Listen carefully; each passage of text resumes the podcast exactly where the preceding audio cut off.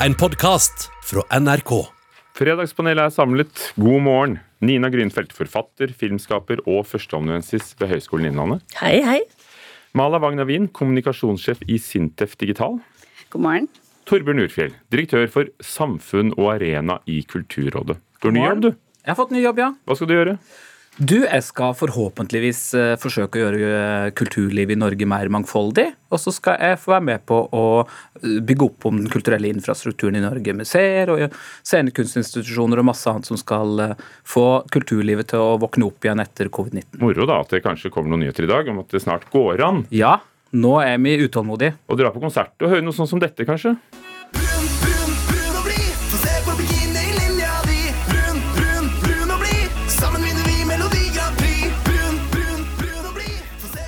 Spellemannprisen har fått en ny kategori, nemlig festmusikk.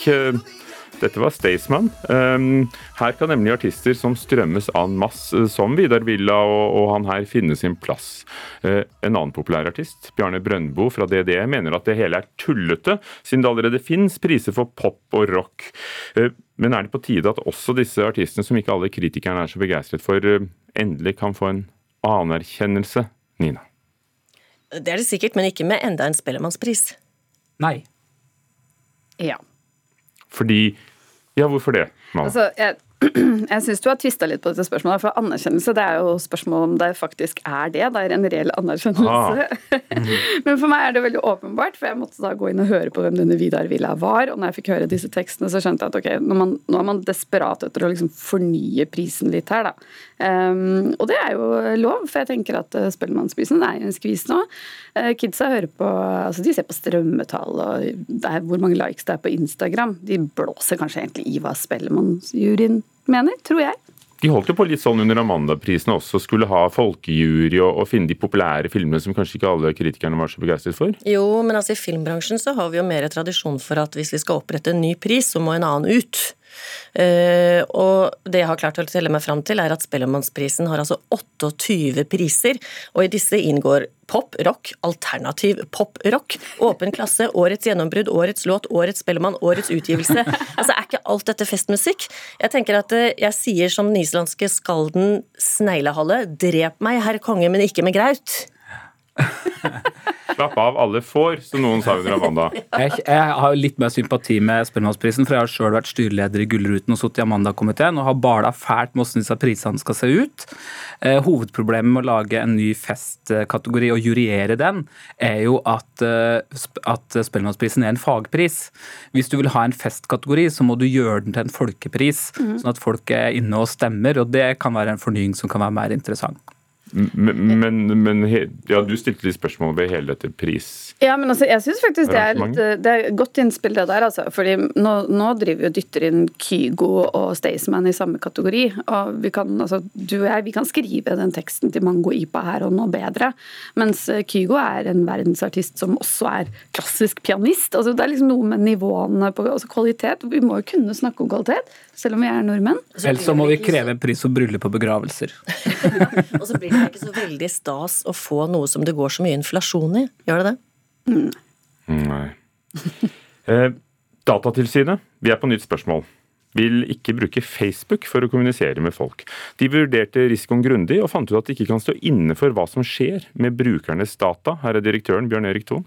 Hva blir disse opplysningene brukt til? Hvem blir disse opplysningene delt med? Og Så lenge ikke vi kan svare på de spørsmålene, og en rekke andre ting som vi heller ikke kan svare på, så eh, er det rett og slett for stor usikkerhet knyttet til det å opprette en Facebook-side. Bør andre følge etter og legge ned Facebook-sidene sine, Torbjørn? Nei.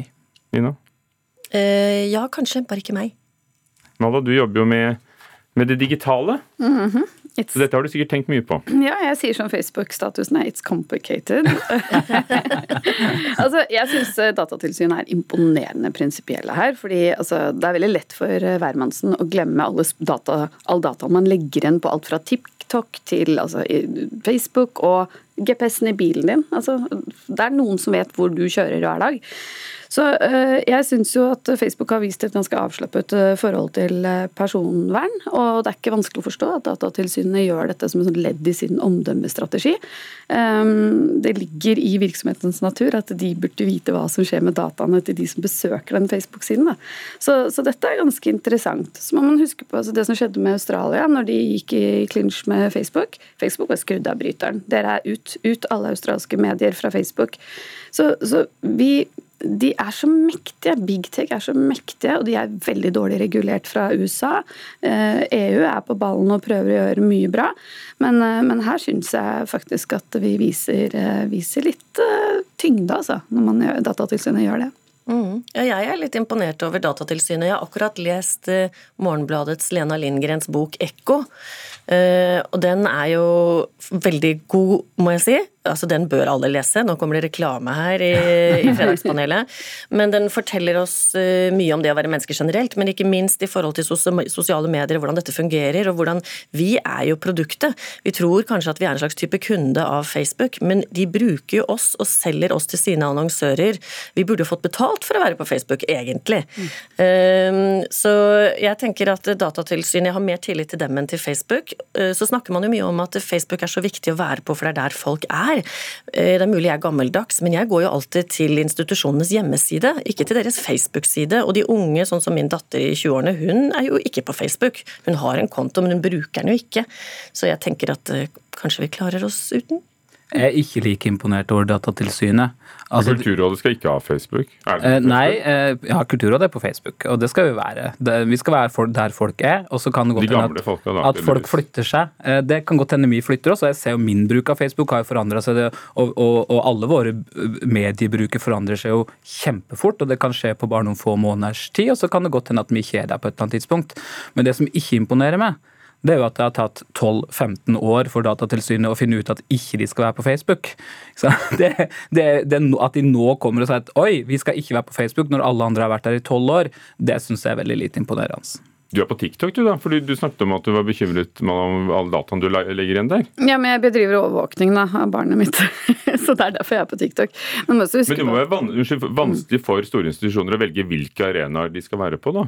Eh, Facebook, Instagram, Twitter, TikTok, Grindr. Det er kanskje ikke det. Og siden kommunikasjon så tenker vi ikke at det er så vanskelig. Det er veldig lett. Du ser etter hvor du når din målgruppe, og den avveiningen tipper jeg at Datatilsynet har gjort. Og så må du også huske på at det, det er kommet frem etter liksom ganske mye research fra flinke dokumentarfilmskapere og journalister hvordan eh, Facebook opererer. Det har ikke vært ute i det åpne hele veien i tolv år. Det beste som vi fikk fra, det, fra Datatilsynet nå, var jo en oppskrift på hvordan du kan være bedre på Facebook. Hvordan du kan beskytte institusjonen din. Og der har sikkert mange av oss noe å gå inn og sjekke på nå. Men kan du besvare på det spørsmålet Tone ikke fikk svar på? Hva som skjer med dine brukeres data? Det kan jeg ikke svare på. Men du Det, noen sjanser må man ta i livet, og også på vegne av fellesskapet. Og så er det jo to institusjoner allerede som har valgt å følge etter, da. både Teknologirådet og UDI. Så det får jo noen konsekvenser at Datatilsynet gjør denne beslutningen. Nytt spørsmål. Eh, Og Vi skal igjen til prisutdelinger, men i litt større format. Det handler om Emmyene som ble delt ut eh, natt til mandag norsk tid, altså de store TV-prisene i Los Angeles. Olivia Colman, The Crown. And I'm going to be very quick because I'm very teary. I, wish my dad was here to see this. So, so Olivia Colman. Det ble den store kvelden for eh, dramaserien The Crown om dronning Elisabeth, eh, og ikke minst for eh, strømmetjenestene. I år var halvparten av alle de nominerte mørke. Svarte, asiatiske, latino. Men bare én som fikk pris, var ikke hvit, nemlig for eh, beste manus. Og reaksjonene kom som bare det, med emneknaggen 'Emmy So White'. Um, Gir verdens gjeveste TV-priser med dette et riktig bilde av alt det som lages på skjermen, av det beste som lages på skjermen? Nei. Ja, dessverre. Uh, nei. Eh, nei. Men du sier ja, dessverre. Ja, dessverre. For altså, kommentatorer i f.eks. Variety, da, som følger Emmyene og bransjen, de, de påpeker det at uh, det var så mye bra. Uh, Mm. også laget av, av minoriteter og svarte. Og det er jo heldigvis det, og det, verden går heldigvis framover. Men fortsatt så er det slik at uh, historien skrives for den hvite dronninga og den hvite kronprinsen, og det er den serien som faktisk ender opp å være best. Uh, og så skal vi ha en kritisk vurdering i mangfoldsarbeidet på hvordan vurdere kvalitet hele tida. Men fortsatt er det slik at det legges mer ressurser og skrives bedre roller for folk som er stereotype altså i, i, majoritetsbefolkninga. Så vi har mer, lengre jobb å jobbe på det. Og så kan vi glede oss over at det som samtidig skjedde, var at det var ei svart drag queen som nå tok Emmy-prisen på flest priser totalt sett, når RuPaul vant sin ja, vet ikke om det var 13. pris eller et eller annet sånt. Så det er jo også noen lysglimt, da. RuPaul's Drag Race, som også Ja. går på noen norske skjermer. Nei, vi hørte jo Olivia Colman her, og jeg var inne på nettet og så at hun, har jo, hun er jo en fantastisk skuespillerinne, det er ikke noe tvil om, og hun har jo derfor også fått uh, titalls, jeg tror det er over 30 sånne gjeve priser. Uh, Micaela Cole, som var den ene kvinnen som fikk pris for beste manus, og som etter min mening i denne serien May I Destroy You, som bare må ses, gjør en helt fantastisk skuespillerprestasjon.